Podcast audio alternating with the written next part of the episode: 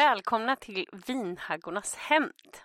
Den här podcasten handlar om mekanismerna bakom de fina fasader som kyrkor gärna presenterar, sett ifrån en och flera avhoppares perspektiv. Det dricks vin i podden och det raljeras friskt, så varmt välkomna till vansinnet.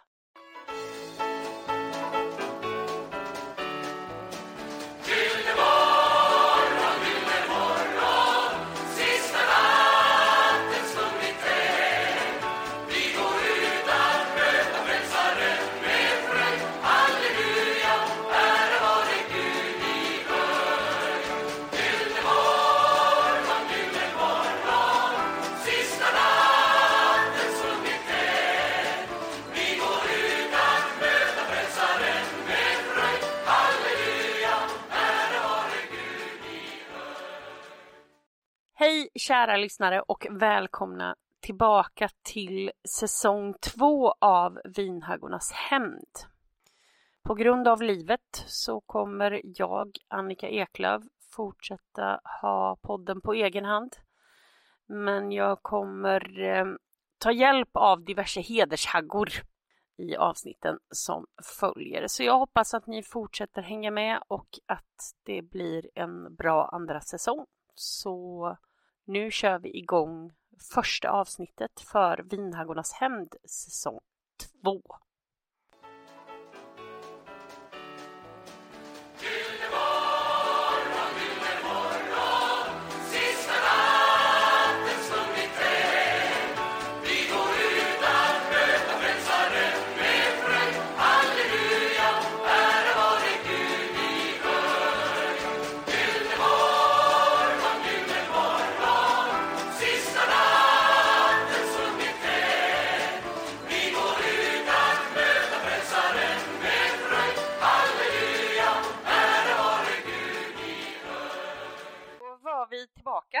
Första avsnittet för säsong två. Så jag får säga varmt välkommen till Upplands Väsby, Hanna Larsdotter. Hur är, hur är läget? Jo tack du, det är bra. Ja, Upplands Väsby, där bor jag. Va? Otippat tycker faktiskt vissa, men eh, mm, här hamnade vi. Vilda Väsby kallas det också. Ehm, nej men det är bra, kul att vara igång. Min hjärna är ju lite långsam, men eh, jag är ju då mamma till en sju månaders bebis, så det är ju väldigt mycket, vad ska jag säga, lära, lära sig nirvana, dyka med, alltså du vet sån här nirvana bebisdykning på sim, bebissim, lära sig sju nya liksom, bebissånger på öppna förskolan, kommunal förskola dock, inte någon kyrklig. Väldigt skönt, väldigt skönt. Mycket bra. Eh, Så att eh, det är bra, jag håller på att göra mig liksom hemmastad här i Väsby och eh, tillsammans med den här lilla bebisen. Men ja, det är min vecka. Ja, men det är ju, det är ju lite så här, det har ju, jag har ju flyttat till Majorna i Göteborg nu, så att Majorna är ju en plats med väldigt, väldigt mycket barn och väldigt, väldigt mycket hundar. Och jag har ju fått något av en crash course den här sommaren i hur man verkar bli hundägare i Majorna. Och jag har två exempel. Jag satt en kväll på, på en pub i Majorna till godan ro och läste min bok och drack en öl. Från ingenstans så kommer det fram en tant som säger jättemånga ord.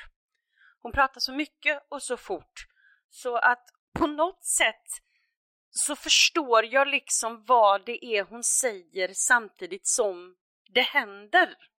Därför att när jag har översatt vad hon har sagt så förstår jag att det, det är översatt till Dö! Håll min hund! Och sen sulat iväg. Så jag tittar ner och i mitt knä sitter en väldigt förvånad terrier. Och hon är borta. Och är liksom borta, ja men i kanske, ja men tio minuter. Och tio minuter med en okänd terrier, det är ganska länge. Så då började jag fundera lite på om det liksom är, är, det, är det så här man skaffar hund? Men hon kom ju tillbaka sen då och hämtade den. Och bevis nummer två, det var att när jag gick från vagnen eh, nu i veckan så var det någon sån gatublandning som liksom flög på mig och skulle hälsa. Och då är det roligt att ägaren till den här väldigt stora hunden var ungefär tre äpplen hög och vägde 12 kilo. Superglad liten tant. Som glad i hågen berättade att den här hunden har jag hittat i skogen. Och jag trodde hon skojade, men då har hon på riktigt hittat en, en hund. Får man göra så? Nej, det tror jag inte att man får. Det måste man anmäla. Det, det måste man anmäla till polisen, vet du.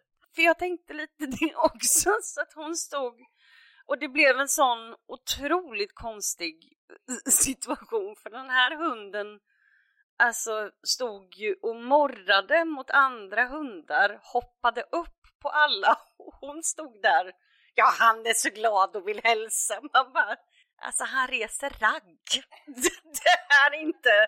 Nej, så att det är tydligen, det verkar vara lite så som man blir hundägare i Majorna. Man får en hund på krogen eller så hittar man en i Slottsskogen och bara tar hem. Det är praktiskt.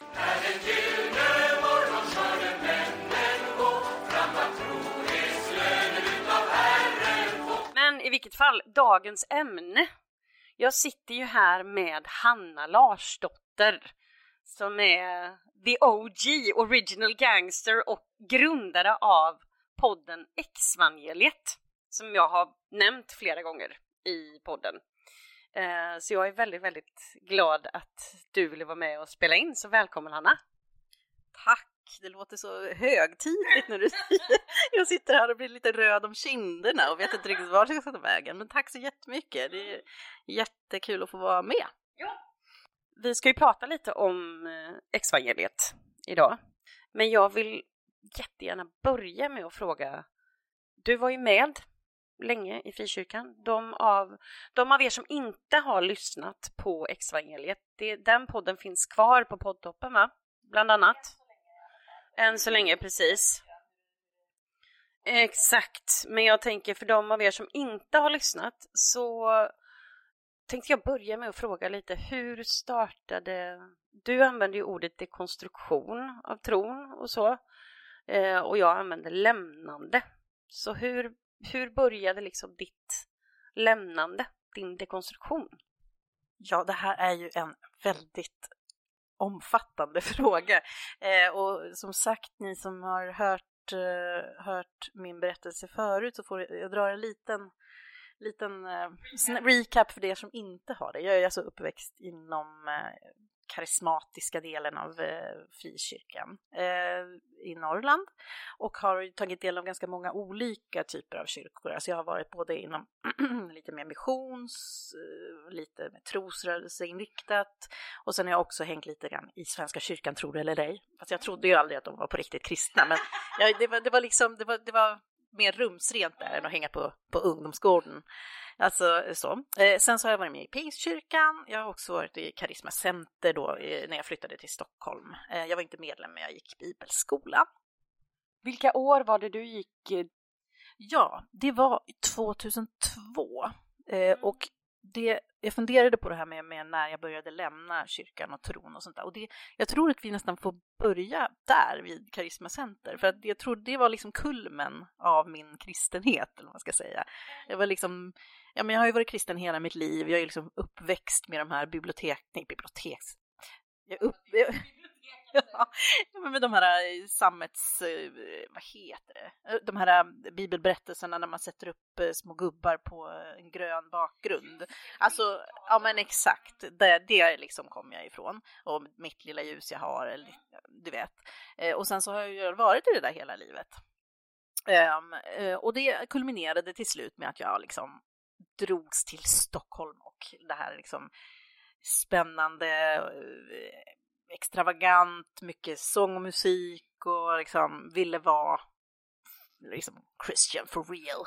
Nej, men det var ju lite, alltså den här superkarismatiska, det är ju lite som vanlig frikyrka på fultjack. Allting är liksom, allt genast samtidigt hundratusen procent. Ja, men det var ju något fint med det där tjacket mm. tänkte jag liksom. Ja, ja. Folk knarkar ju av en anledning. Ja, precis. Jag ville knarka Jesus jävligt hårt. så jag flyttade till Stockholm eh, och gick bibelskola då. Eller jag valde typ mellan Livets Ord och eh, Karisma tror jag, men jag tyckte, tror jag tyckte det kändes lite fräschare med. Ja, lite fräschare. Ja, lite fräscht, lite Stockholm, lite så här. Mm. Så att det var min, det var kulmen man säga. Där var jag som, som mm, kanske inte som mest kristen, men liksom mer, ja, mest fanatisk. Eller? Ja, det ja. kanske ska man ska säga.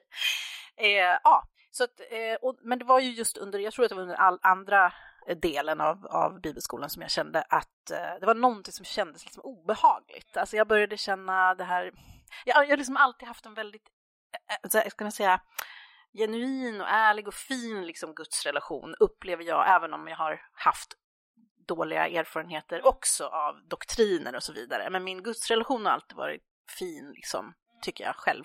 Eh, så att eh, där kände jag väl lite så här, det kändes som att fokuset var väldigt mycket på människorna, på de som stod på scenen. Ehm, det var lite obehagligt att känna det här, ja men de här pastorerna, jag minns ju speciellt eh, profeten, om vi säger så. Det, jag vet ju att ni har pratat om honom tidigare, Mattias Lekardal. Han hade ju en blick och eh, smög runt där och liksom tittade på en och man trodde att han kunde se typ allt man tänkte.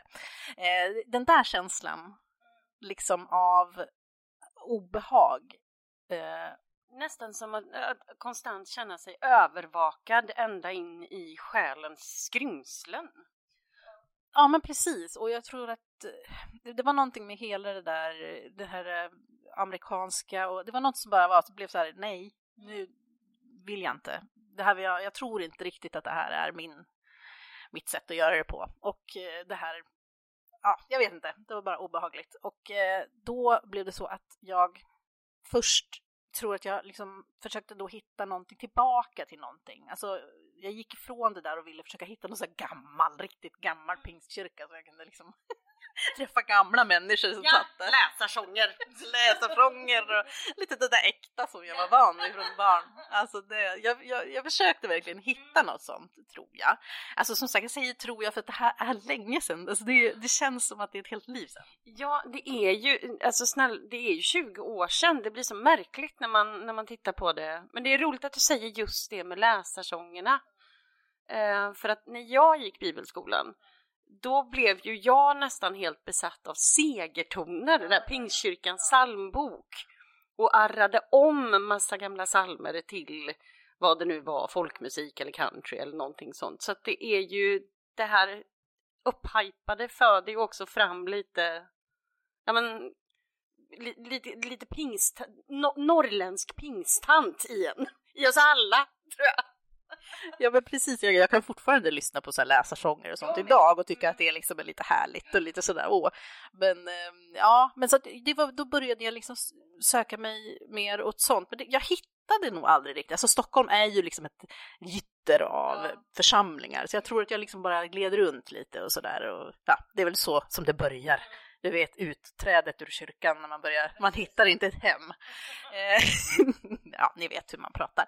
Men, eh, men, men sen så blev det ju så att eh, det är, det, det är mycket som händer här på vägen. Men om vi ska prata om, om lämnandet så, så till slut hamnade jag ju faktiskt på, på universitetet, Stockholms universitet, för jag ville läsa religions, om religion. Det blev religionshistoria och där började min riktiga, så jag kalla dekonstruktion då, som jag kallar det för. Alltså att jag, fast det hade ju pågått flera år, men, men, men det här med att eh, jag fick frågor som jag aldrig hade fått tidigare, alltså vad är religion? Eh, liksom, varför finns det? Varför utövar människor det? Eh, och sådana saker. Som, och det, det liksom ledde till slut efter några år där till att jag kände att jag tror nog inte längre på det här. Och inte på Jesus till slut, efter några år till, så kände jag väl att jag tror inte på Gud. Mm. För det blir, ja. Eh, så att du, du känner att det liksom, för det där tycker jag är lite intressant för det, det brukar vara lite som att många slutar antingen tro på Gud men att de av någon anledning fortfarande tror på Jesus. Eller tvärtom, att det, det, är, det är en intressant detalj att många beskriver det så. Att det tar liksom, det kommer stegvis. Men jag tror att det där är ganska naturligt. Vissa, vissa går ju den här vägen att de liksom läser Bibeln och känner sig det här stämmer inte för mig och det här liksom de går någon slags sån väg. Jag, jag hade väldigt känslomässig relation tror jag till Jesus och till Gud. Eh, och jag tror att det jag kände i första hand, eftersom jag gick religionshistoria, eh, det var ju att jag blev presenterad alla de här eh, olika sätten att tänka på religion. Eh, och det gjorde först att jag kände att nej men det här, Jesus kan nog inte vara liksom det här det enda svaret, för det, det känns liksom för orimligt så.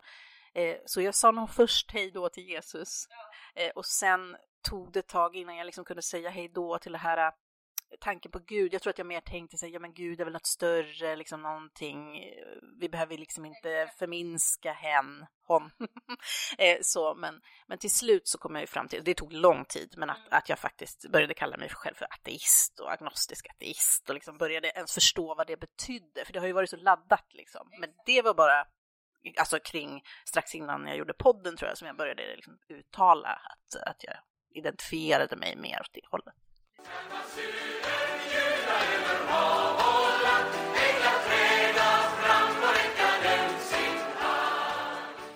När du gick igenom den här processen, var, var, du, var du ensam då eller hade du, hade du vänner runt dig som gick igenom samma? För att när man pratar med många avhoppare så det som nästan alla beskriver som det värsta, det är ju den här plötsliga inte bara ensamheten utan nästan isolation för att man förstår inte varandra längre på något sätt.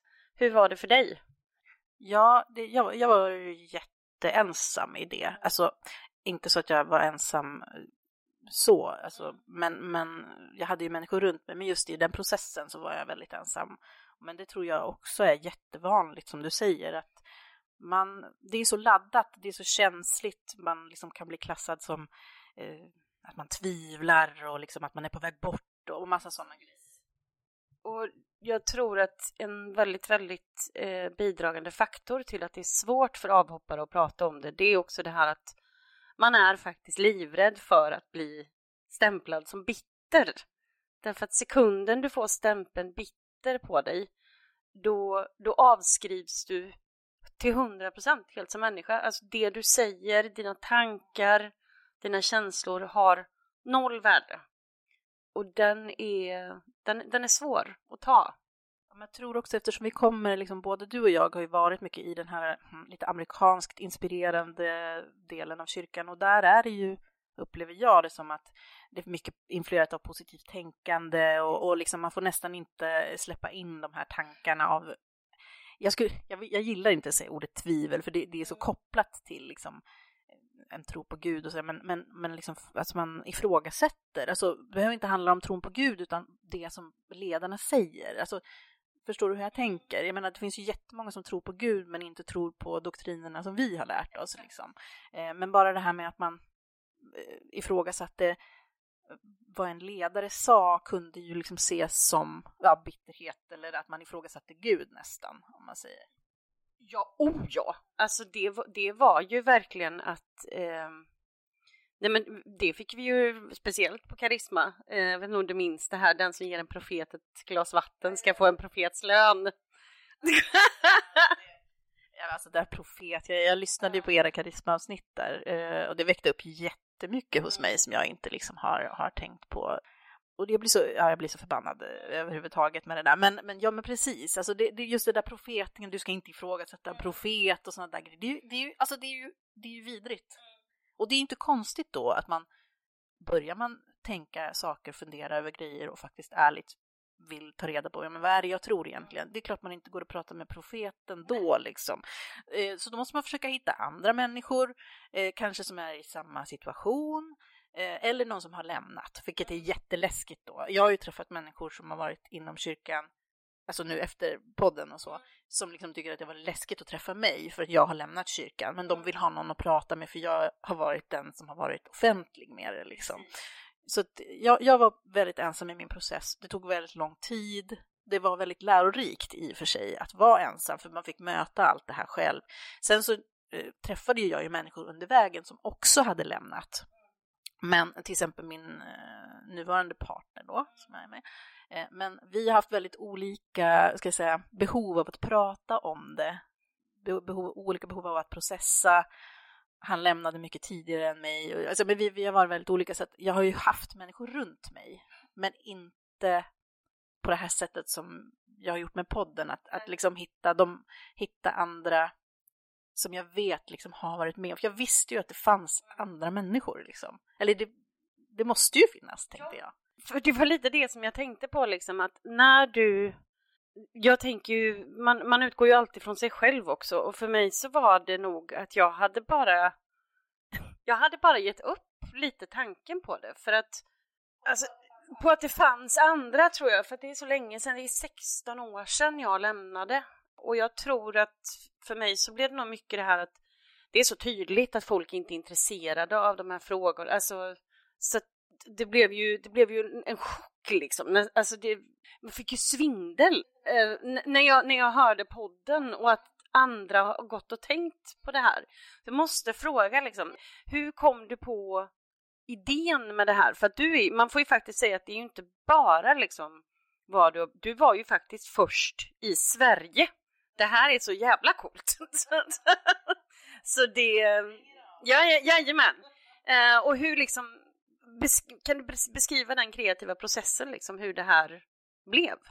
Ja, men en stor del av mitt, min egen dekonstruktion, det var faktiskt att poddar, alltså för amerikanska poddar finns det ju. Eh, där finns det ju stora liksom, så här, atheist communities och liksom sånt där. För det, där är det ju mycket tydligare, ja men ni vet, alla tror på Gud i USA liksom. Alltså, och där, där, eh, ja. Så jag lyssnade väldigt mycket på poddar eh, från USA och då kändes det väl som att, just det, jag har ju också lite en gammal radiodröm om att bli radiopratare. Ja. Alltså det, det är klart, det fanns väl. Det är väl ingen av oss som är främmande för ljudet av våra egna röster, tänker jag. Det, det delar vi ju, för det har jag ju också tänkt på, kom jag på nu när du sa det. Ehm. Ja, precis. Så det, det kändes inte helt främmande, om man säger så. Sen skulle jag säga att förstadiet till evangeliet och hela liksom processen av att jag blev på något sätt offentlig med eh, att jag hade lämnat kyrkan, det, det var ju i och med en debattartikel som jag skrev i Metro. Och eh, det var väl, nu ska vi se, det var februari 2019 ja. eh, var det. Eh, och i och med den debattartikeln så kom jag i kontakt också med Anna Palm. Eh, hon hörde av sig till mig och kände igen sig även om hon hade lämnat mormonkyrkan då. Mm. Och då var det, vi lärde känna varandra. Vi hade väl kanske båda haft lite tankar på podd. Jag, jag kommer inte ihåg exakt hur det här gick till, men vi under våra samtal, någonstans där så helt plötsligt, jag tror att det var jag som kände att nu ska jag köra igång det här, vill du vara med? Typ. Eh, sen blev det den, det upplägget då eh, av olika anledningar, att jag körde lite produktion och, och liksom drev på ganska mycket och så Anna tog, antog en typ av sidekick-roll då. Hon var med ganska ofta men liksom, eh, jag gjorde också andra saker. Men hade väl huvudansvaret liksom så. Så det var väl det som hände. Alltså, och, och, och ursprunget till att jag skrev debattartikeln, det var ju för att jag hade väl ett, jag hade ett samtal, det har jag ju pratat om i, i min podd tidigare, men jag och en kompis hade ett samtal där hon pratade om mig som eh, avhoppare och det blev så tydligt för mig att det här är ju så här kan vi ju inte ha det, vi kan ju inte gå runt och, och vara liksom... Tänker, gå runt och på något sätt helt plötsligt ha någon slags osynlig vägg, alltså sinsemellan sig. För jag tror det, det är där det liksom blir svårast, att man känner helt plötsligt att man inte kan nå varandra. Ja, och jag kände ju att det var från bådas håll, alltså att vi visste liksom inte hur vi skulle prata med varandra. Jag blev lite aggressiv liksom och sådär, och sa lite dumma saker om religion. och hon blev ledsen. Ja, alltså det är så. Och, det, och då kände jag, och, och, även då med familj, jag hade liksom inte pratat med min familj om det och så här. Och då, då kände jag liksom så här, men det här är ju löjligt liksom. Alltså hur kan det vara så att vi inte... För jag är ju mig själv, jag mår bättre nu än förut. Jag liksom, jag har lärt mig en massa nya saker. Alltså det kändes bara knäppt. Så då kände jag, nej, nu skriver jag det här. Och var väl inte direkt förvånad egentligen av att jag fick ganska mycket människor som hörde av sig till mig och, och liksom, för som sagt, alltså det, det säger ju sig självt. Går jag runt så här och tänker på de här grejerna så finns det ju andra människor som gör det också. Det är ju oftast så i, när man mår dåligt eller man tänker på någonting. Så att eh, det, ja, det var, det var väl så det gick till, hela den processen.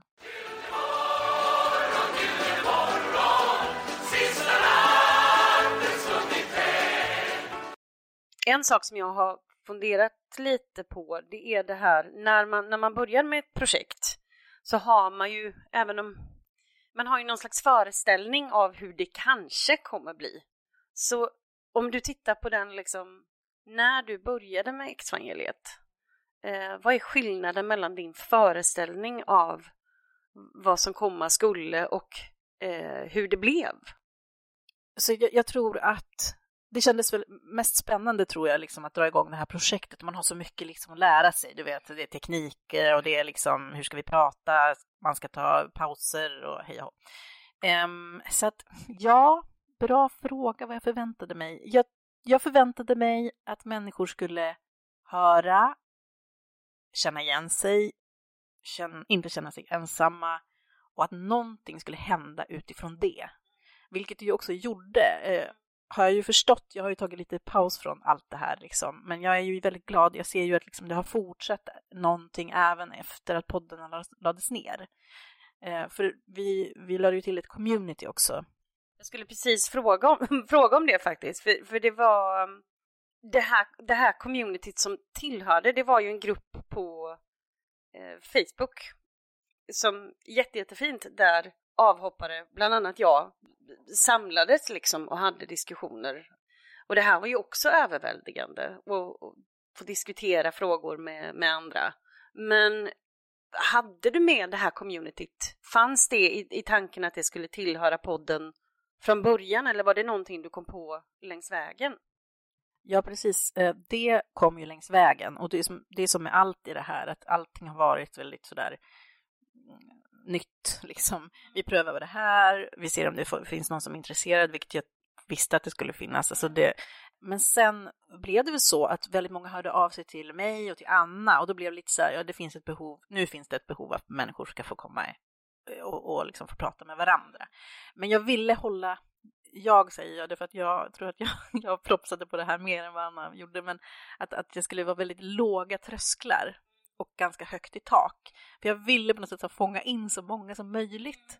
För jag tänkte liksom, det här är så nytt att människor pratar om det. Vissa människor är fortfarande kvar i kyrkan, vissa är fortfarande kvar i tron på Gud. Och jag ville inte liksom stänga ute människor utan liksom öppna upp och sen tänkte jag, det här kommer ändå att bli så att människor kommer att vilja dela upp sig sen i mindre grupper, för man har olika behov. Vissa människor behöver svära och raljera och liksom, ja, och, och vissa människor har fortfarande kanske kvar en tro på Gud och liksom vill mer dekonstruera det här, det här osunda, eh, det osunda kristna eller osunda religiositeten som jag tycker är osund, liksom det här som fundamentalistiska. Eh, så jag, jag var ganska lugn där, så, men i och med att det var så låga trösklar och högt i tak så blir det också lite problematiskt.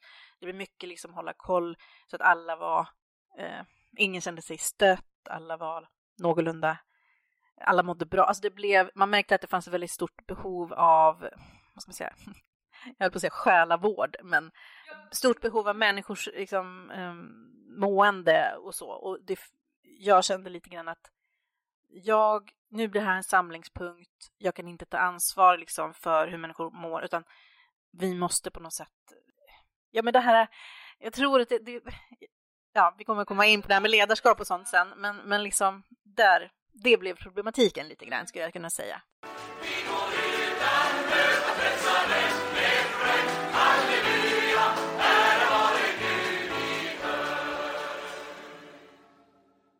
Mitt i den här processen så dök ju, du nämnde ju Anna Palm tidigare, eh, den, den, andra Miss OG. och eh, vi har henne på plats idag, så varmt välkommen Anna Palm, kul att du är här! Oh, så, tusen tack! Nej men jättekul att vara här, verkligen. Så härligt. Vi, jag tänkte fråga lite, jag vill ju väldigt gärna höra lite mer om, nej men om er, ert samarbete. Ni hittade ju varandra. Hanna berättade ju tidigare att du hade kontaktat henne när hon hade skrivit sin debattartikel. Så vill du berätta lite om, om ditt lämnande från eh, mormonkyrkan? Eh, ja, kan jag dra den? Jag känner, jag, jag, känner att jag är tjatig, men jag förstår ju att alla har inte lyssnat. jag har pratat om det evangeliet, jag har varit med i sektpodden, jag har mitt konto och sådär. Eh, nej, men helt enkelt, jag är uppvuxen i eh, mormonkyrkan, eller Jesu Kristi kyrka av Sista Dagars Heliga. Jag kommer vara med i den, liksom, Sveriges största församling som är ute där i Haninge, söder om Stockholm, där kommer jag ifrån. Eh, har stor släkt, stor familj, liksom. Så att jag var en del av det. Jag var liksom mönstermedlem. Eh, jag älskade det livet. Jag, jag hade Alltså när jag hör om andra avhoppare så är det många som har haft väldiga problem med sin uppväxt och liksom i hela sin uppväxt känt ett väldigt så här, en väldig konflikt kring tron och församlingen och sådär. Men jag var inte sån. Alltså jag älskade det livet och jag var jättestolt och jag var jätteglad och det finns väldigt mycket fint. Alltså det är det här som är också att vara avhoppare, att lämna någonting som både varit bra och dåligt. Det blir ju just där som konflikten ligger, för att det hade ju inte varit så svårt att lämna om det bara hade varit helt jävla genomrötet. Det är ju, det är ju just den biten att det är ju en gemenskap och det finns ju mycket fint och där i ligger det svåra. Ja, men precis. Och, och liksom det var väl inte jätteproblematiskt. Alltså jag, har ju, jag brukar ju prata om mormonkyrkan som en väldigt så här, barnens och ungdomarnas ställe. Det görs jättemycket fint för barn och ungdomar i den där gemenskapen.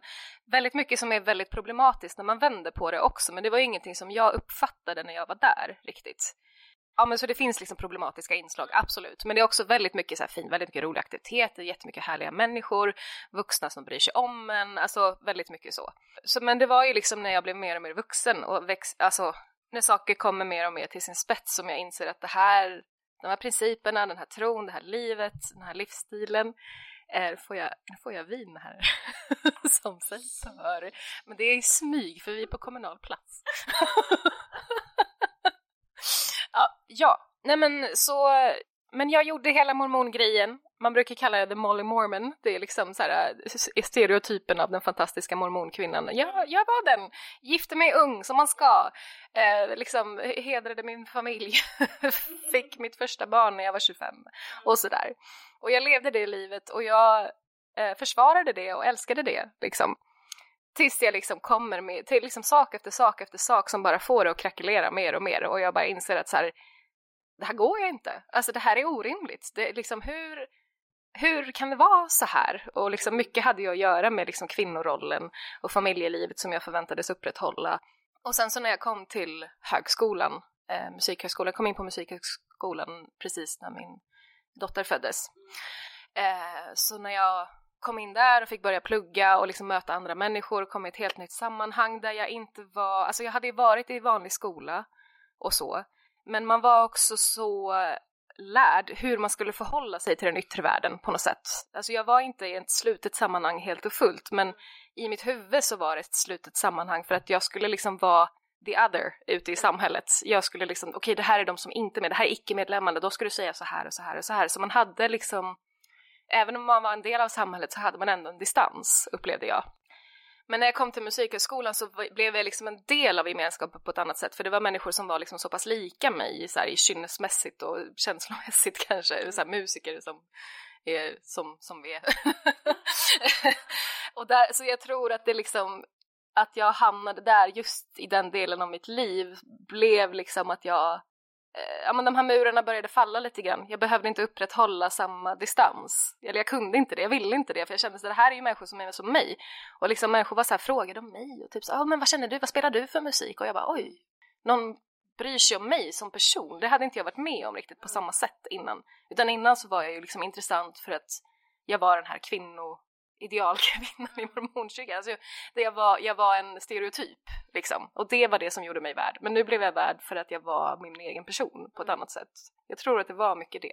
När, när du kom dit, hur blev liksom, för jag tänker att det borde ändå bli något, är det där liksom som den primära diskrepansen mellan församlingsvärlden och livet utanför började, alltså var det där det började skava? Nej, alltså jag hade haft flera skav innan men jag hade nog inte identifierat dem så mycket. Men jag pratade i evangeliet om liksom en första erfarenhet när jag var 17-18 år, när jag liksom upplevde, alltså så här en standardfras man har i mormonkyrkan, jag vet att kyrkan är sann. Och när jag var 17 så bara, vadå, vad, vad är det här? Jag var ju också ett barn som upplevde ganska mycket psykisk ohälsa, ganska mycket depressioner, eh, funderade mycket kring liksom, ja men psykiska besvär. Och liksom i ett religiöst liv så är ju Alltså det andliga, det du upplever, dina känslor, Gud, alltså allt det där är ju väldigt, av väldigt stor vikt hela tiden. Men när man lider av psykisk ohälsa så är det så här, okej okay, om jag ska gå på mina känslor, det blir väldigt, det blir inte bra liksom, för att känslorna är sjuka liksom. Så hur kan det här vara andligt? Liksom, hur kan det här vara den heliga anden som, liksom, om jag följer mitt inre, alltså det är så här, det är väldigt svårt att leva med psykisk ohälsa och liksom upprätthålla en andlighet, alltså det, liksom, det blir ju en clash där. För dina känslor driver inte dig till saker som blir bra ofta, utan du måste liksom lära dig kontrollera dig själv och faktiskt distansera dig från dina känslor ibland. Så. Ja, så jag hade mycket tankar kring sådana saker. Och liksom vadå vet att kyrkan är sann? är man schizofren? Vet man allt möjligt? Så här, hur, kan man, alltså, eh, så här, vad, vadå kyrkan? Så här, är det tegelstenarna som är sanna? Så här, är det skrifter, alltså bibeln, vadå? Så här, det är ju massa konstiga grejer. Alltså det började så, här, så började jag fundera. Och så, så det var liksom, jag hade liksom, jag började få så här mer och mer ifrågasättande så eh, under många år. Eh, men älskade fortfarande livet och liksom mina vänner där och så. Och, så. Men sen så, så det blev mer och mer och sen så när jag kom till musikhögskolan då som sagt och kände att så här, det är ju här jag passar in. det är sån här människa jag är. Vad har jag försökt med liksom? Eh, jag är ju inte någon som gillar att stå i förkläde och baka bullar till mina 14 barn liksom, som, som jag förväntas bli i den här livsstilen liksom jag vill inte ens vara gift, jag vill inte ha massa fler barn, jag vill spela. Så här. Och det fick jag ju massa skam för, bara, hon vill bara spela piano. Och jag bara ja. Så här. Så här. Uh, ja. Nej men så att det blev liksom mer och mer så. Uh, men alltså min första termin på musikhögskolan, alltså jag skäms så fruktansvärt mycket. Jag hade så mycket så här, uh, riktigt så här äckliga idéer liksom om kvinnorollen och liksom och som jag uttalade mig om liksom där på skolan. Alltså om någon lyssnar på det här som var med mig på de kurserna, jag bara ber om ursäkt för att ja, man hade mycket konstiga idéer helt enkelt. Ja, men det där är ju en sån rolig sak, alltså när, när man tittar tillbaka, de där stunderna kan komma i duschen ibland när jag får sådana svettattacker. För man kan höra sig själv alltså bara rapa upp floskler som man har liksom lärt sig ut. Nej men den ångesten, det är, det är fruktansvärt. Ja men precis, och liksom hur man så här, var i konflikt med sig själv hela tiden. För man skulle ju säga de här sakerna, det här var ju liksom rätt åsikter. Och så säger man det och så har man liksom så förstärkt sitt, de här eh, argumenten i sig själv så mycket så man, har liksom, man kör ju över sig själv hela tiden och står och säger den här kyrkans grejer. Ja, nej fy, jag har så många cringe moments som jag tycker är så jobbiga att leva med, men så är det. Eh, och vara avhoppare. Eh, så här, eh, men i alla fall, nej men så då eh, var det där till slut Ehm, flera saker som hände. Men eh, till slut så bara föll allting. Och jag bara, jag är inte den här människan. Det här är inte mitt liv. Jag lever någon annans liv. Jag vill inte vara här.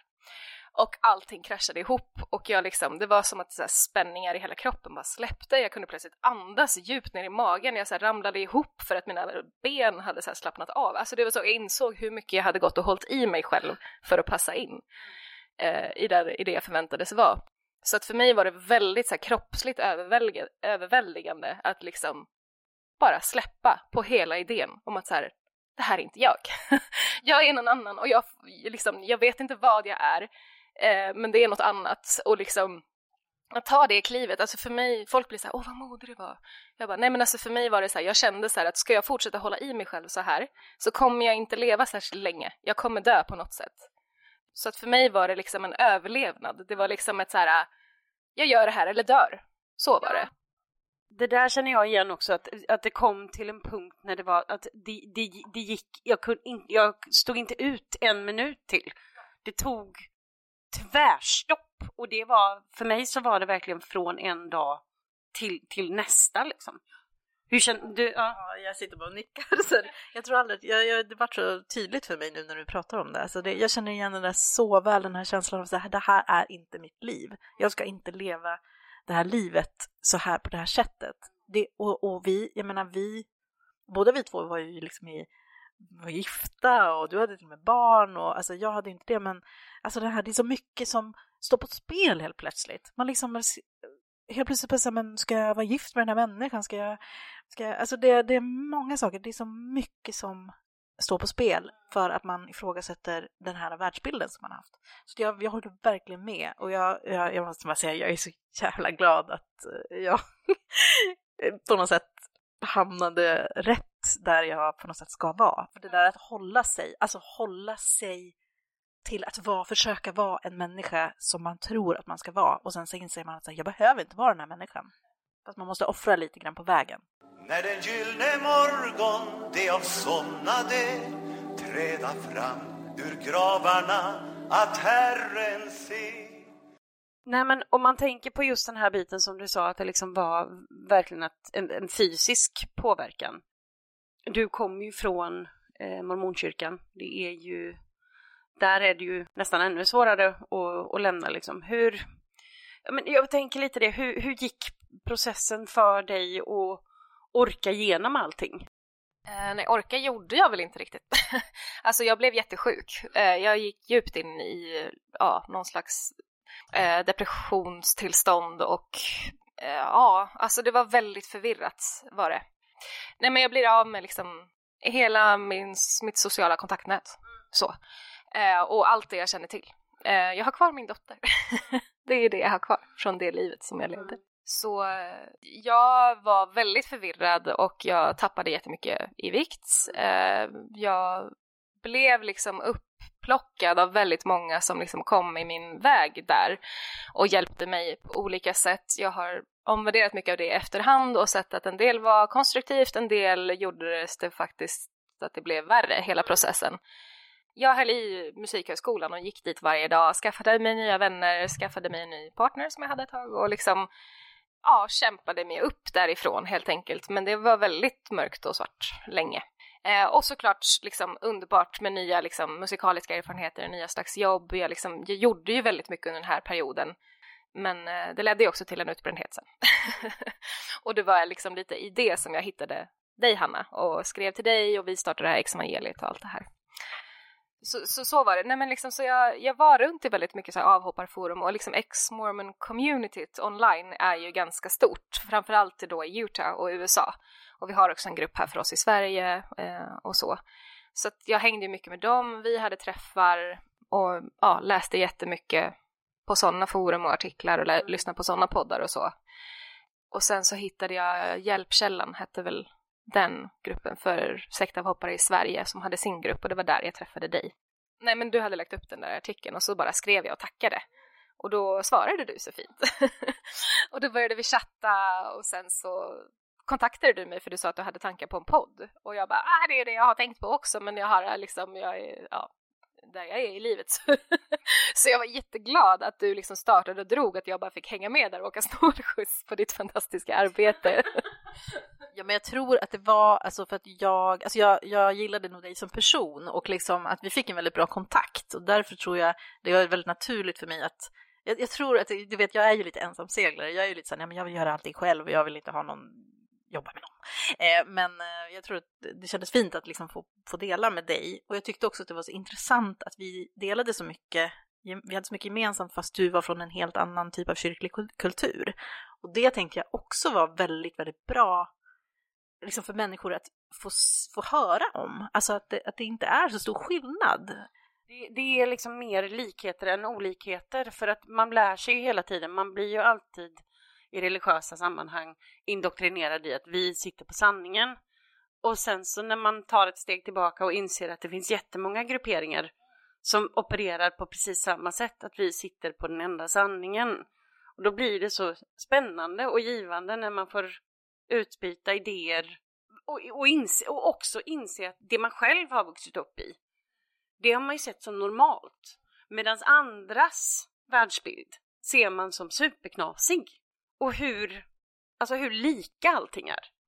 Jag tror att faktiskt att jag behövde den krocken för att jag, jag kan tycka att det lätt blir så att man sitter och navelskådar sig själv lite grann och man vet ju vad man har gått igenom och det är ju jätteskönt att sitta och, liksom och bolla så här, ja, och de där pastorerna och de där så, men jag tyckte att det kändes väldigt så uppfriskande att liksom få den här krocken mellan hur du har haft det och hur jag har haft det. Och, ja, så jag tror att det var det som ledde till att vi hamnade i den situationen att typ starta en podd. Jubelrop och sång ska fylla himmelen Ty de kära evigt mötas får igen men jag tänker att hela, för dig att vara med i Exvangeliet, eh, du var ju med som väldigt älskad sidekick.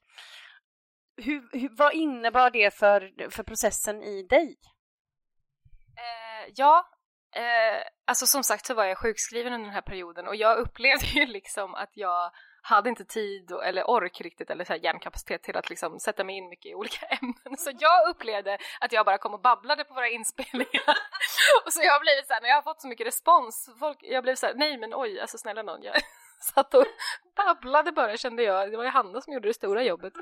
Eh, så att jag, men nej men alltså det, det var väldigt, alltså jag vi spelade in, du klippte ihop, skickade till mig. Alltså jag vart ju... Vi spelade in och du, du bara, jag vet inte om jag sa någonting vettigt. Jag vet inte om jag sa någonting vettigt. Säger, jag, jag kommer inte ihåg vad jag sagt. Alltså jag vet inte. Ångestnivån, through the roof. Eh, nej men alltså... Och jag bara, det var jättebra. Och så lämnade jag en massa så här konstiga. Jag bara, det här klipper jag inte bort. Nej. Men du bara, klipp bort där, klipp bort där. Det tänker jag inte göra. Nej men alltså, och, och det, alltså jag har ju varit öppen med att jag, jag fick ju PTSD av den här upplevelsen mm. att lämna. Eh, och jag har ju kopplat det här, alltså jag har ju, får ju en väldigt ångesttrigger när jag tror att jag är fel. Så att det har ju Hanna fått smällen av. Att när jag tror att jag, för att jag har ju fått så otroligt mycket bannor för när jag gör fel på olika sätt. Och väldigt mycket så här livsomvälvande konsekvenser för att jag inte gör enligt mallen, jag inte gör rätt. Så när jag börjar prata, bara babbla, uh, liksom jag får ju, jag får, jag fick supermycket ångestpåslag samtidigt som jag liksom logiskt inser att så här, det här är så orimligt att jag inte ska få säga det här. Så jag har blivit så jävla arg på mina PTSD-signaler, på mina liksom inre demoner och liksom den här kyrkan som står för alla de här bannorna mot mig i mig själv. Så jag har liksom mentalt brottat ner varenda en. Men alltså jag har gjort ett jätteinre inre jobb i den här inspelningsprocessen. Mycket, alltså vi, vi spelade in, du skickade, jag lyssnade, alltså jag hjärntvättade ju mig själv. Jag, med de här avsnitten, jag lyssnade på varje 25-30 gånger, jag skämtar inte, jag kan typ alla våra avsnitt utan till. För att det var liksom ett sätt för mig att så här, slå ner mina egna spikar i jorden liksom. Och så här, det här, här står jag, det här tycker jag, jag får säga det här, jag vet logiskt att jag får säga det, jag känner inte så, men jag tänker ge mig fan på att jag ska känna det så småningom. Så att jag har liksom, det var min så här anti-hjärntvätt tror jag. Alltså hjärntvätta mig själv med mig själv istället för med, med kyrkan liksom.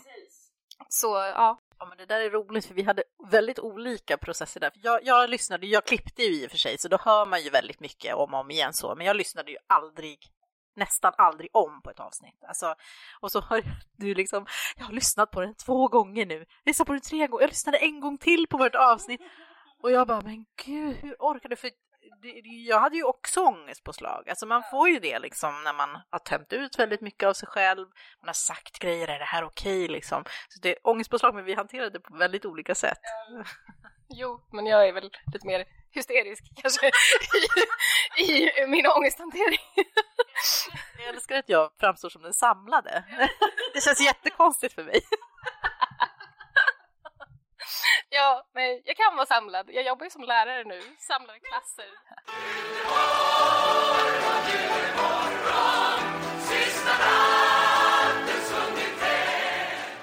Jag minns ju väldigt, väldigt väl en grej som du sa i ett avsnitt som jag skrattade gott åt, att du beskrev det som att du var i 30-årsåldern men skulle behöva gå på socialt dagis. För att när man kom, det är ju lite det när man kommer ut, alltså att precis ur, ur tron att man, man, är, man är ju inte, man är inte direkt så, här, så, så himla socialt kognitivt begåvad. Nej men precis, jag sa ju det, jag var så här, jag vill ha någon fritidsledare så bara Anna, det är inte okej att säga att alla andra har fel och du har rätt, det är inte snällt. Och, så här, och bara få så här, konsekvenstrappa. Så här, och bara, nej, man, man står inte och predikar för sina jämnåriga på skolgården hur världen hänger ihop och hur Gud fungerar, för det har man ju gjort. Alltså på riktigt, man har ju gjort det, man har ju varit det där duktiga kristna lilla barnet som berättar om Jesu offer så, i, i fjärde klass. Alltså på riktigt, jag var ju det barnet. Det är ju så hemskt. Men så, jag har sagt det, jag, bara, jag vill bara gå om och bara göra om hela den här förskola, grundskola, gymnasiet på, liksom, på så här rimligt sätt. Eh, och skaffa mig relationer utifrån vem jag är, skaffa mig historia, erfarenheter, liksom, det här är jag. Jag ska inte liksom vara någon slags ja, men stereotyp här då, ut, från mormonkyrkan som ska göra rätt. Alltså, ja, jag är så less på det där. Mm. Så. Eh, så ja, socialt dagis för alla avhoppare. Bara så här grundläggande sociala regler. Jag, jag är ju mycket för det här. En sak som jag tycker känns väldigt, väldigt viktigt och det är just den här att ge människor lov att bete sig lite illa. Nej, men jag tror att det är viktigt just den, den biten att för många som, många som hoppar av är ju också äldre. Och då har man ju missat liksom den här naturliga på något sätt revolten i tonåren som många går igenom. Jag tror bara att på något sätt att det kan vara lite skönt. Och så här, jag tänkte, jag tänkte på det härom, härom veckan nämligen för att jag såg någonting som jag, alltså i hela mitt liv så har jag alltid, det är ju så mycket klotter överallt. Men man ser ju aldrig vem som gör det. Och nu för första gången så har jag sett en klottrare in action.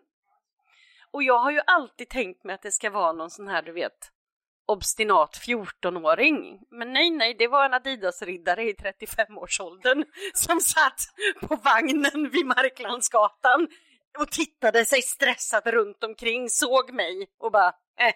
Och sen så drog fram pennan och det stank ju i hela vagnen. Och det var ingenting liksom konstigt, han bara gjorde någon tag och sen så satt han där tror att det är liksom kidsen, men det är vi oss bland 30 och 40. Det är vi som gör alla de där grejerna. Det är alla avhopparna som har sin försenade tonårsrevolt. Nej men det var lite så, man hoppades ändå liksom att det skulle vara någon så här som har lämnat Fiskebäck mission som är ute och tar igen sin förlorade tonår. Ah, jag älskar detta. Nej men stackars oss, höll jag på att säga. Vad vi håller på. Nej men alltså, det, alltså verkligen, jag var ju liksom 30 och, och behövde gå folkhögskola för att liksom ta igen, alla fyller 20, jag fyller 30 på, på, i min klass. Nej men alltså, och det, och det, alltså det är så orimligt, jag är så Alltså, någon borde verkligen ställa kyrkorna till svars för det här. Alltså, det är det vi gör här nu. Alltså, gör inte så här mot unga människor. Unga människor har inte fått landa i sig själva, har inte liksom fått liksom utforska vad de behöver, vad de mår bra av. Styr inte unga människor till att leva de här väldigt strikta liven. Ja, det går att få människor till att liksom leva sådana där liv som ni tycker är rätt, det går. Men det betyder inte att det är rätt, liksom. Gör inte det. Det är så otroligt smärtsamt för alla oss som har behövt bryta oss loss från det där sen. Det är bara inte okej.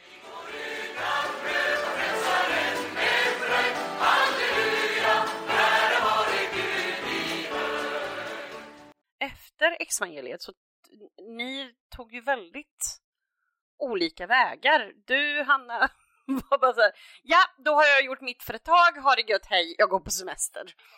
Du fick också barn, precis. Så semester och semester. Men, eh, och du la lite mer i en, en högre växel. Så vill ni berätta om tankarna efter och hur livet tog sig efter?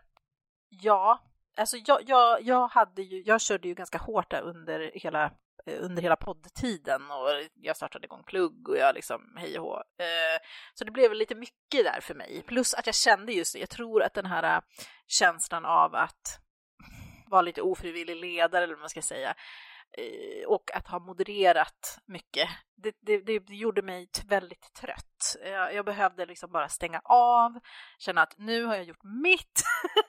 jag, jag är nöjd här, ta vidare ni andra liksom. Eh, sen så, så, det kanske inte var exakt i samband med det, men sen fick jag ju en liten bebis också. Mm. Så att alltså då, man blir ju lite annan, annars i huvudet eh, under den tiden om man säger.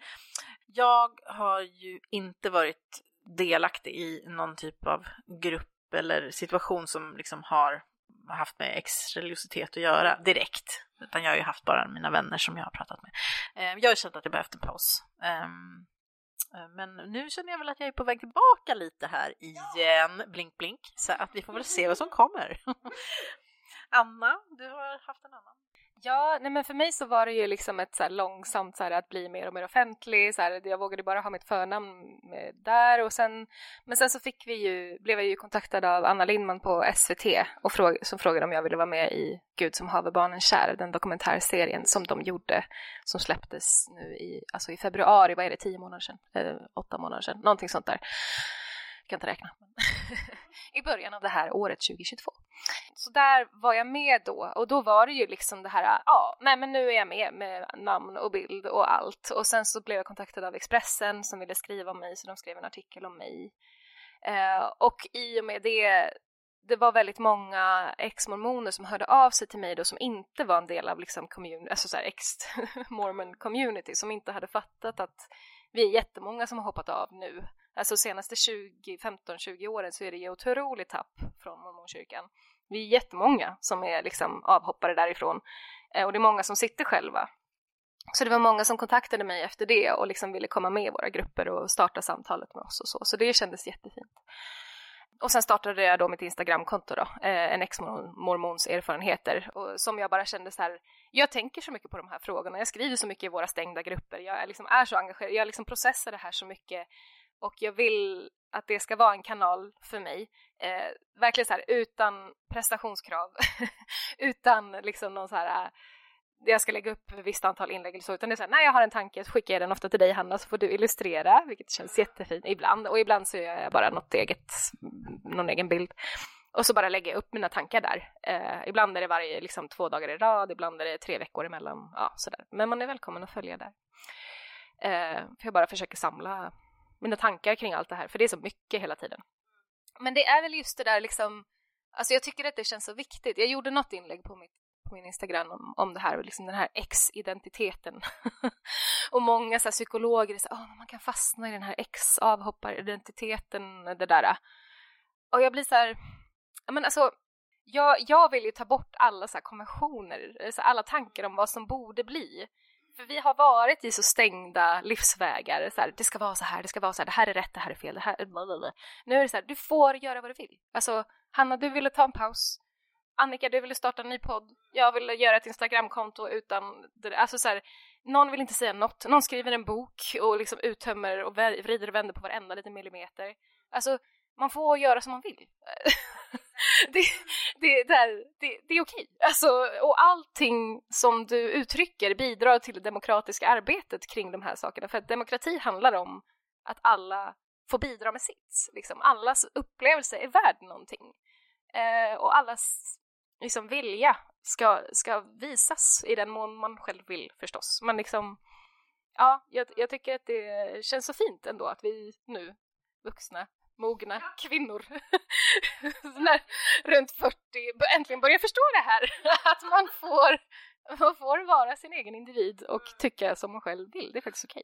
Ja, men vi hade ju ett samtal också innan vi liksom hade våra sista avsnitt. Och så vidare, du och jag, att, att ja men hur kände vi inför det? Och, för det var ju mest jag som kände att nu får det vara nog här. Du hade kanske lite andra känslor, men jag tyckte ändå att vi fick till ett, liksom, ett fint avslut och att vi liksom respekterade varandra, upp, upplevde jag. Eh, och det är ju det är ju en sån viktig del i, i det som vi har pratat om också, att man, man har olika vägar man går eh, och man måste kunna få göra det också utan att, som du säger, det här, ja, man får inte hålla fast vid sin ex-identitet, eh, ex-religiösa identitet, eller vad man ska säga. Men jag menar, den där kommer alltid vara en del av mig. Jag känner nu, nu även efter liksom det här året, eller vad det nu är, som jag har liksom varit, haft lite semester. Eh, nej, men att, att jag kommer ju alltid att vara, jag kommer alltid att ha varit en del av liksom, det här kyrkliga sammanhanget. Under, det har format så stor del av mig. Eh, men jag behöver, jag, jag, jag gör vad jag vill utav det. Jag ska inte tvätta bort det helt, det är inte mitt mål. Men jag kan använda det kanske liksom i framtiden till Ja, men och, liksom, jag har ju kunskap om mycket saker och så här, är man bara bitter och arg och, och jävligt liksom så sur, då är det helt okej okay också. Men det är, en, liksom, det är viktigt att man får, man får känna det man känner och säga stopp när man vill säga stopp och gå vidare. Alltså så. Det, det är en jätteviktig grej.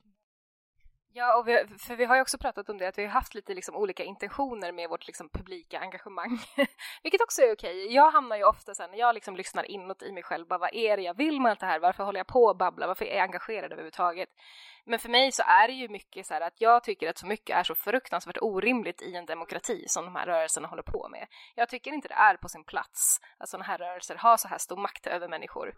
Eh, och jag, så jag har ju liksom formulerat det här med att jag vill prata om religionsfrihet versus religionsförtryck.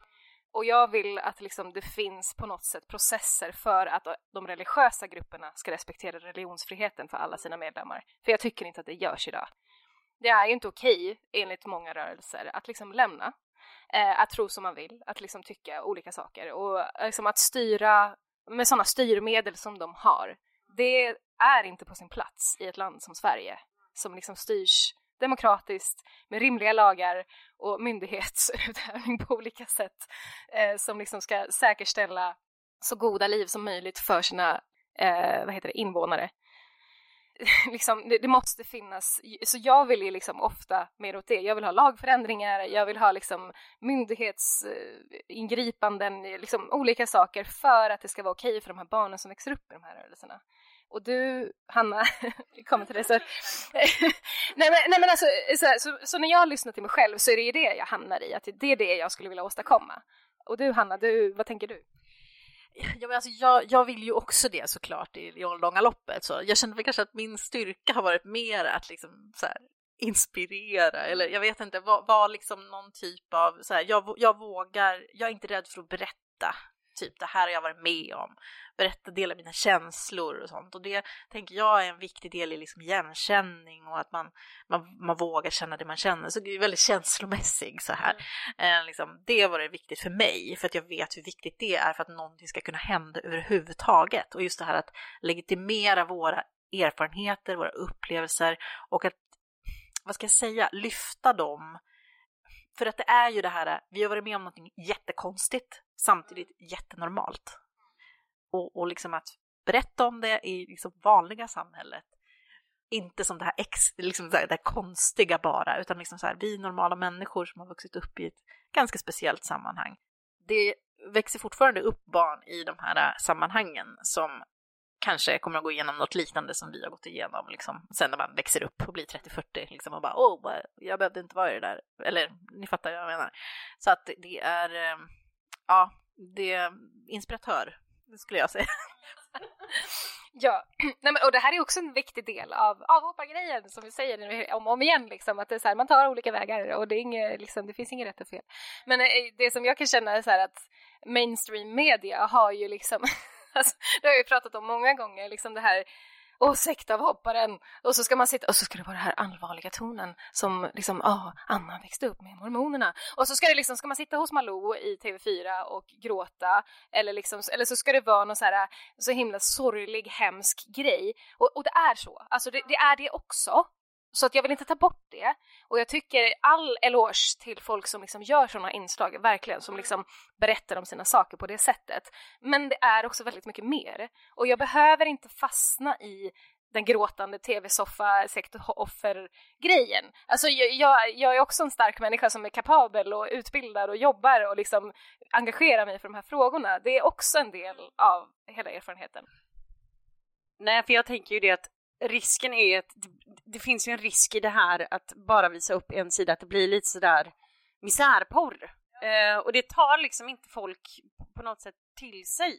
Så att det är ju lite den grej, det är ju lite det som är poängen med att Alltså det är ju också så himla befriande att få kunna skratta åt gemensamma upplevelser och raljera och, och visa upp att man, man det, det handlar liksom inte om att det här är att vi är massa inkapabla offer som går omkring med tårar i ögonen dygnet runt och, och liksom har en persona i att vi har varit utsatta.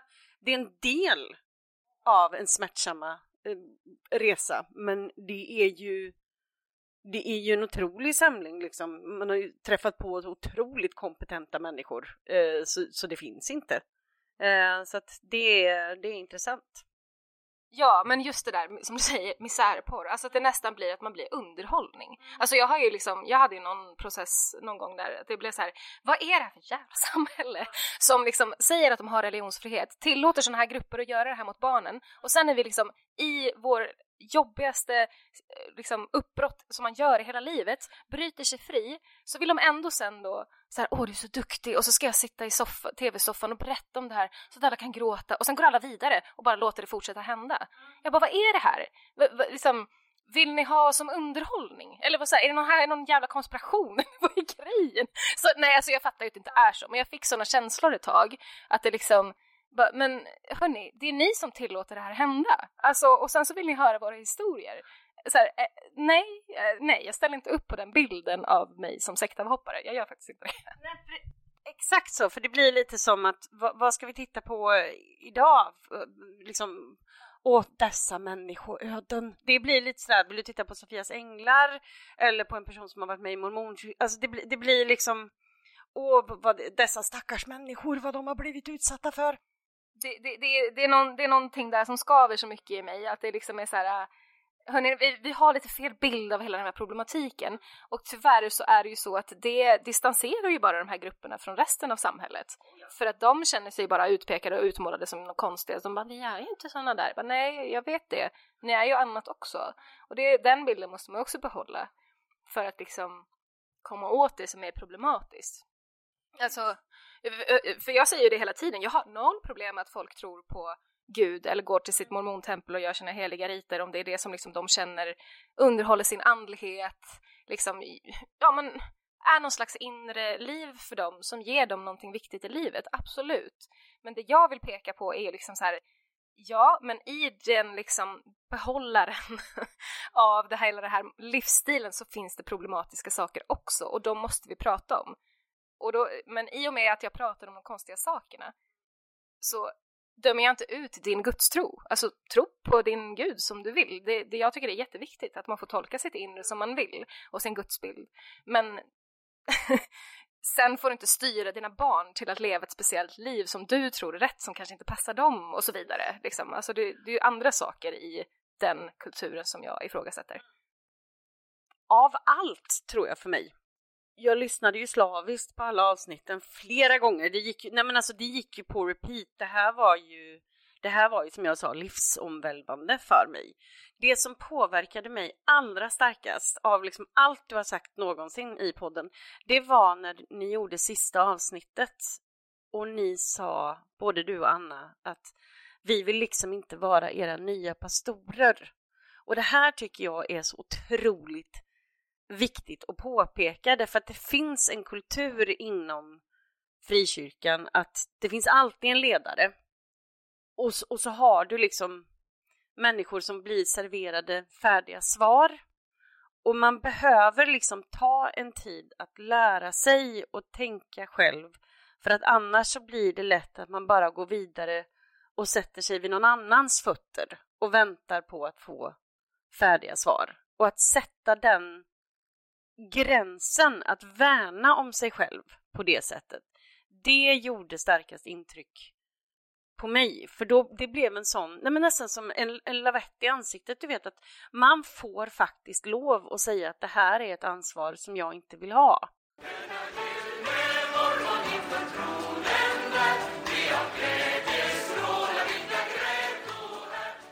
Men vi ska återgå till, till att prata om just den här biten med att när man har en sån grej med podden och när man har tillhörande community och lite sånt där så då hamnar man ju väldigt lätt i någon slags ofrivillig pastorsroll. Eh, så jag undrar lite hur just det här att få jättemycket förtroenden om man inte är van vid det, det kan bli liksom det kan bli en övermäktigt och, och lite sånt där. Så jag undrar, hur påverkade eh, den ofrivilliga pastorsrollen er?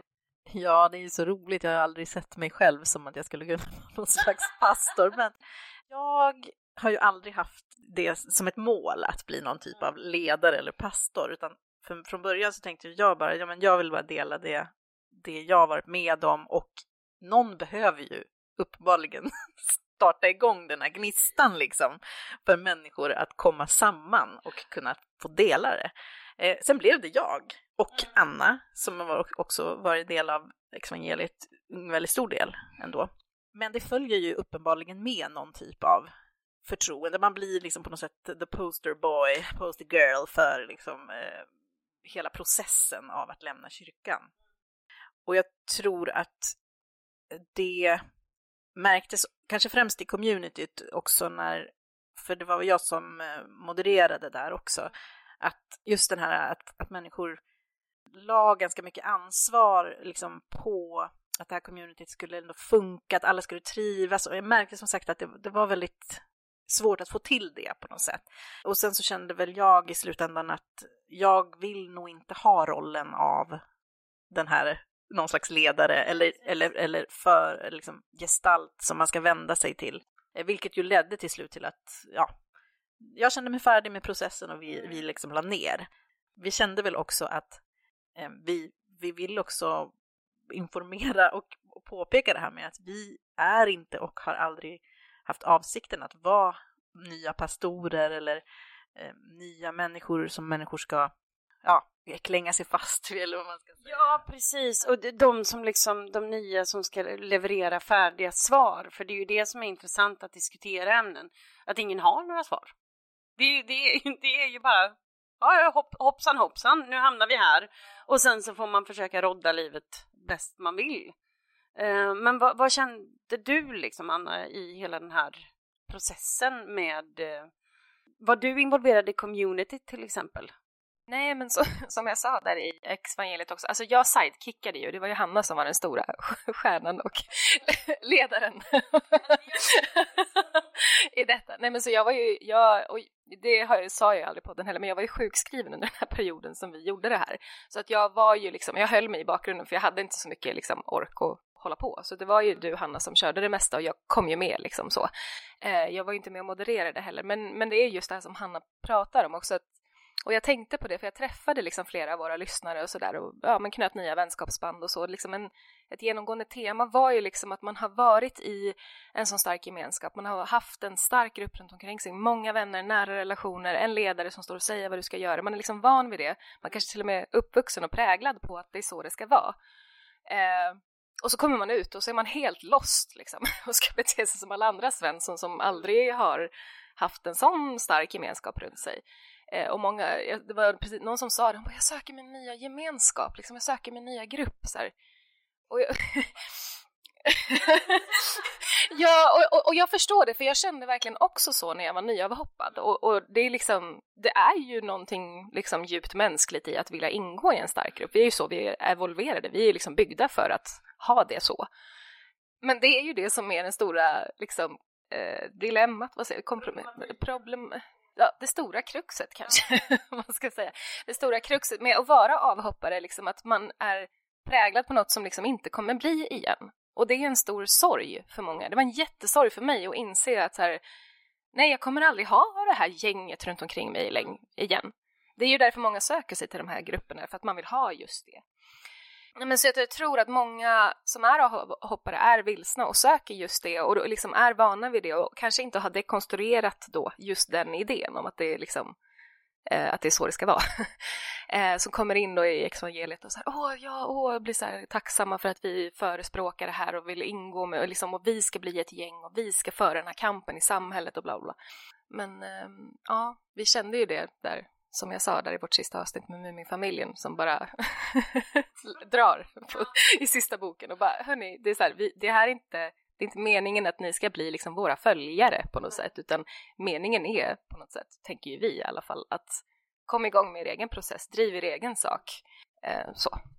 Det finns möjlighet. Jag tror ju att det är en väldigt, väldigt bra idé att folk faktiskt eh, startar upp grupper. För att det är så att vi är människor och ju större grupp, grupper det blir kommer det alltid bli konflikter, det kommer alltid vara folk som drar åt olika håll och det ena med det tredje. Men det är liksom så att, så att vi, jag kommer lägga ut en sån eh, del på Facebook där de av er som är intresserade att starta upp grupper som har lämnat tron ska ha möjlighet att kunna mötas och kanske diskutera liksom, är det några som är pepp på att vara admin och allting sånt där.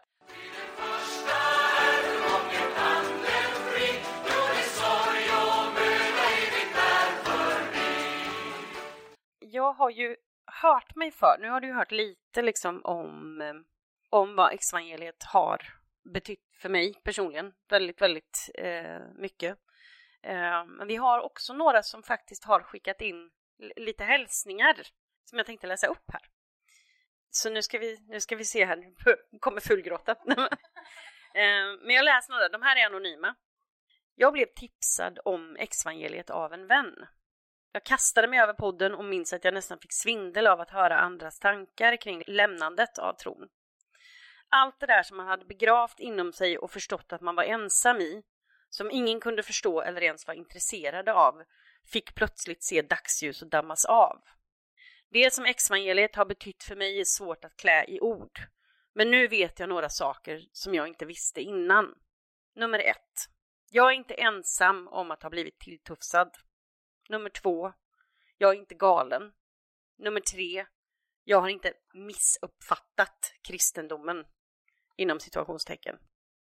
Finns det egentligen något finare man kan göra för någon? Att lätta lite på isolationen och säga kolla vi är fler.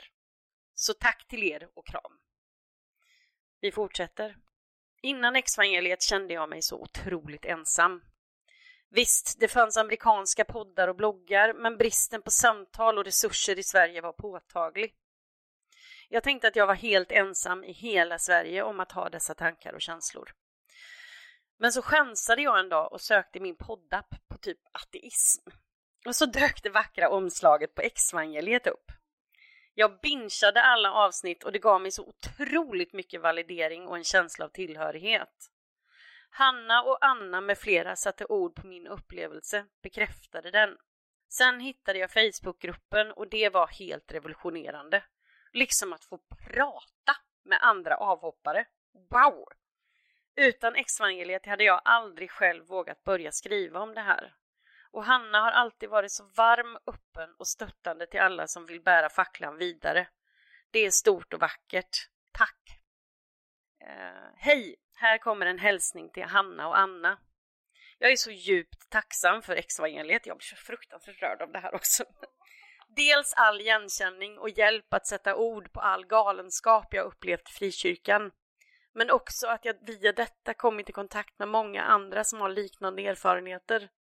Det är helt ovärderligt och ord känns för futtiga för att beskriva vad det här har betytt för mig, men stort hjärta till er. Tack till Hanna. Tack för att du startade exvangeliet. Jag hade lämnat kyrkans liv för många år sedan, men aldrig satt ord på det jag valt att lämna och det jag har blivit illa berörd över. Det hjälpte mig jättemycket att just få hjälp med orden, göra det tydligt, för att bearbeta, acceptera, bli stark och förstå. Så tack för ditt mod. Hanna Larsdotter och exvangeliet var en stor hjälp för mig att bryta tankemönster som funnits i ryggmärgen långt innan Knutby. Att få höra andras vittnesbörd om framförallt frikyrkans sämre sidor har varit till stor hjälp när man fick inse att det inte bara var jag, eller för den delen att Knutby och dess medlemmar inte var sprungna ur en extrem utan en helt vanlig frikyrka. Vad Hanna och exvangeliet betytt för mig. När jag i gråtandes upplösningstillstånd googlade fram en gammal Metro-artikel som Hanna skrivit förändrades allt. Jag som känt mig galen. Jag som trodde att jag var den enda i världen som upplevde tvivel över vad som var verkligt och vad som inte var det på grund av min frikyrkliga uppväxt. Jag fick vara en del av ett community som visade mig att det fanns massor av personer där ute som delade mina upplevelser. Jag var inte galen, jag var bara oförstådd. Av vården av samhället som inte har upplevt att växa upp i fundamentalistiska miljöer. Exvangeliet blev en livboj en plats där jag lärde känna mig själv och allt som jag trodde jag var ensam om fick jag dela med andra. Tack Hanna och tack Anna.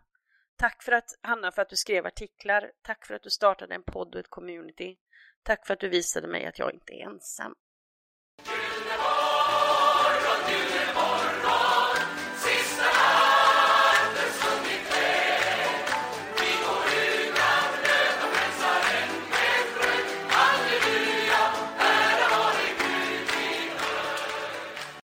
Vad känner ni liksom när ni, när ni hör det här?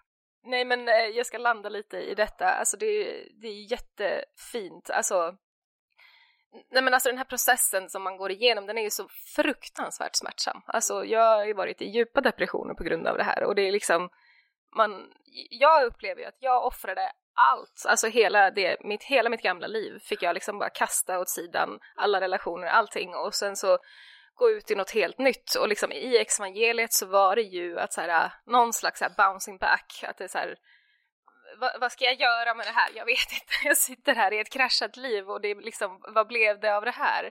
Men, men okej, men om jag ändå får prata om det eller på något sätt, då kanske det blir värt någonting all den här skiten. Och sen att få höra att det faktiskt blev värt någonting för någon annan, då, ja men då var det, då, då var det ju det jag ville liksom. Ja. Hur känner du Hanna? Vill du, behöver du smälta lite? Nej men, eh, nej men det är alltid svårt, jag tror där också har jag känt under, när jag har fått respons liksom under, under tiden som podden har varit och så, att det är svårt att ta in, tycker jag. Alltså, du har säkert också fått, du Annika har säkert också fått respons på det du har pratat om, att man, man, man, man läser och hör och känner med och liksom så, men det är svårt att, att, att ta in allting. Ja. Uh, och, men, men eh, det betyder ju jättemycket att få höra att, att det har betytt någonting. Jag är ju verkligen inte förvånad över det. Men det är så, alltså, det kan göra så otroligt mycket bara om en person liksom ja, men väljer att berätta hur saker är.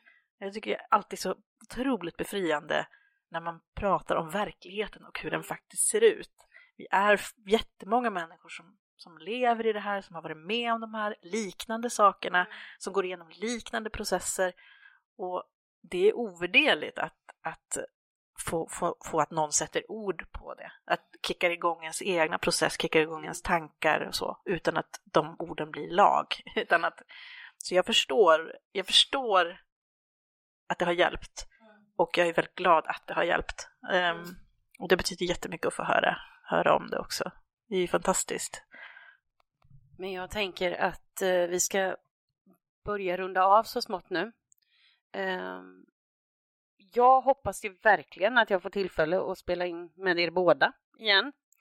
Eh, men först och främst så vill jag säga världens största tack för vad ni har betytt för mig och min hjärna och att, att få ha...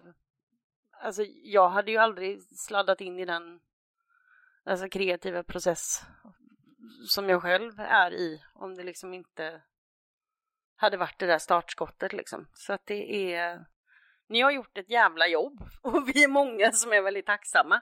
Så high five, hurra för er! Eh, tack snälla för att eh, ni har varit med.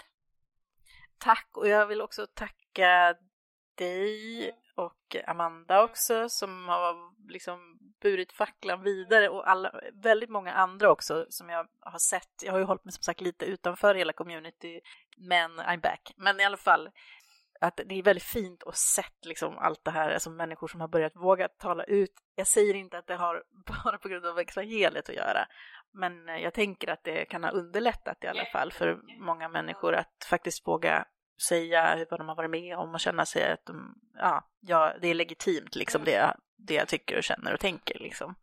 Så att eh, så tänker jag. Tack Annika och Amanda också. Ja, tack. Alltså, tack. Jag också. Alltså, jag är också en av er.